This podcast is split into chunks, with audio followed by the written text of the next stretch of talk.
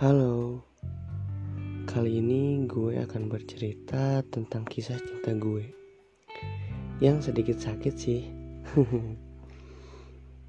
Kalian pernah gak sih ngalamin ditinggalkan tanpa alasan apa pun?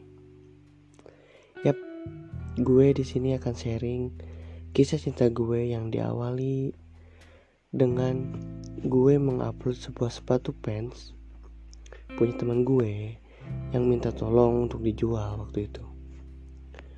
Dan gue post lah di IG story gue.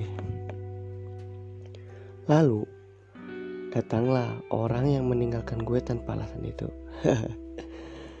Dia komen IG story gue kalau gak salah. Eh ngomongnya ah size-nya kekecilan.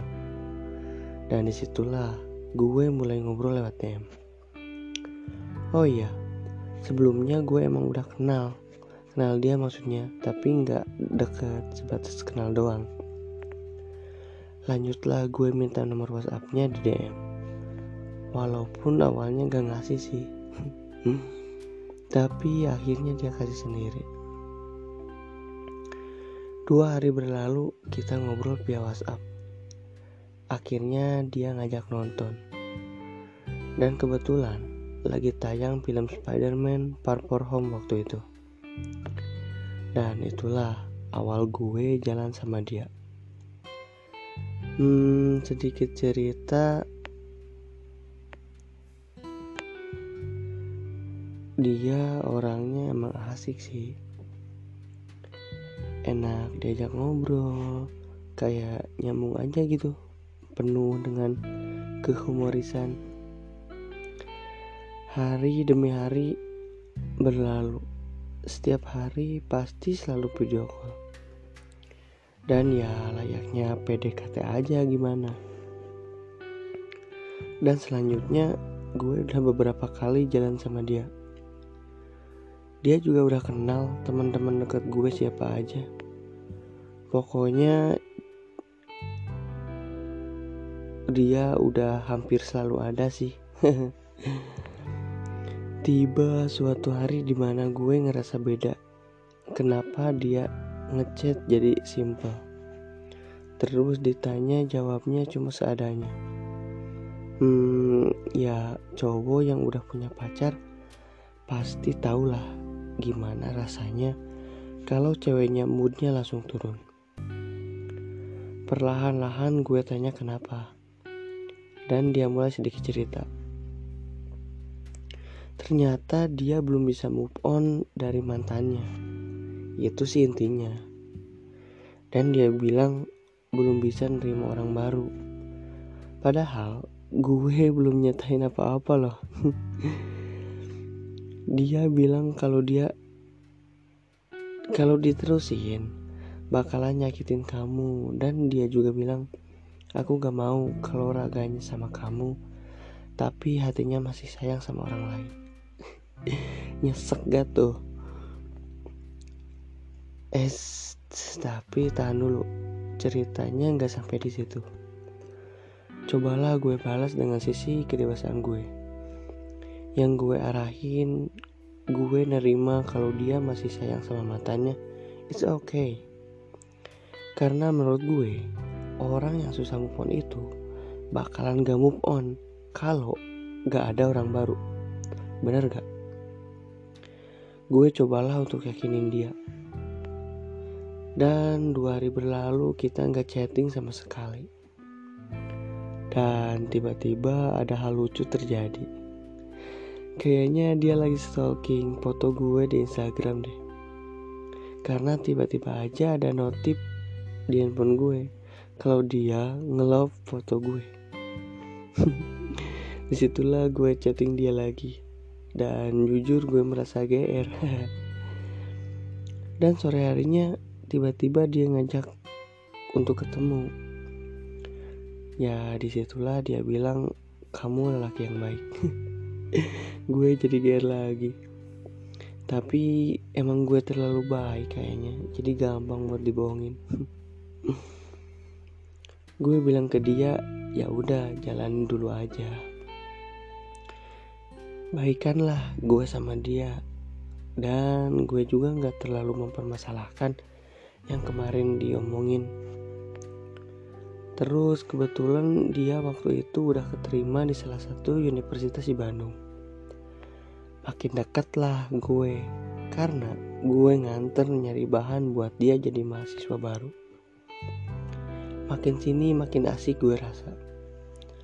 Udah lebih beda dari sebelumnya dan gue emang orangnya positive thinking. Ya gue nyoy aja. Kita masih chatting kayak biasanya. Dia juga sempet bilang e, aku besok ke Bandung buat jadi mahasiswa. Doain ya semuanya lancar. Hmm, terus malam ini harus main dulu sebelum besok pergi ke Bandung kata dia. Gue jawab iya ayo dan semuanya masih baik-baik aja. Kita ngobrol panjang lebar. Tar kamu jemput aku ya kalau aku mau pulang. Tar harus main ke Bandung kalau aku nggak pulang. Gue pun jawab iya iya aja. Oh iya, selama itu terjadi gue belum pernah ke rumahnya. Ke rumahnya langsung maksudnya. Tiap ketemu pasti janjian di depan gang. Pas malam itu, tiba-tiba dia ngajak gue dulu ke rumahnya.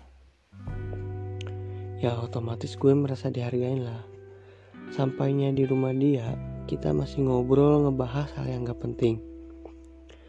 Terus dia bilang, eh bikin bumerang yuk, sama foto dulu yuk. Biar ntar kalau kangen gak ribet, hehehe. Dan gue pun nurut aja, udahlah ya ceritanya gue pulang dan pagi-pagi dia ngabarin kalau dia mau berangkat sambil ngirim foto ke gue. Sampai dia di asrama masih ngabarin gue. Dan tibalah saatnya satu hari kemudian setelah di kampus dia gak ngabarin gue kayak biasanya. Gue coba chat dia cuma dibalas seadanya Gue telepon bilangnya sibuk. Tiga hari berlalu makin parah gak ada kabar. Semua komunikasi gue diabaikan. Begitu saja. Dan bodohnya gue, setelah hari keempat gak ada kabar, gue masih bisa positive thinking. Dan tibalah saatnya dia bilang, udah ya sampai di sini aja. Cowok mana yang gak bertanya-tanya coba? Gue yang udah nunggu kabar dari jauh hari, tiba-tiba dia ngechat kayak gitu. Otomatis gue minta penjelasan dong. Dan dia cuma jawab lagi pengen sendiri.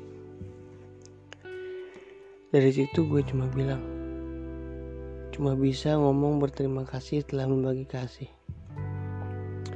Gue sakit hati bukan karena gue terlalu berharap, tapi kenapa dia gak bisa ngejelasin yang terjadi? Di dan dia nggak ngomong apa-apa. Padahal sehari sebelum berangkat kita masih ngobrol asik-asik aja tanpa masalah apa pun. Coba deh bayangin gimana rasanya. Tapi ada yang lebih sakit hati dan gue dapet infonya dari temen deket gue sendiri. Ternyata dia begitu bukan karena tanpa alasan.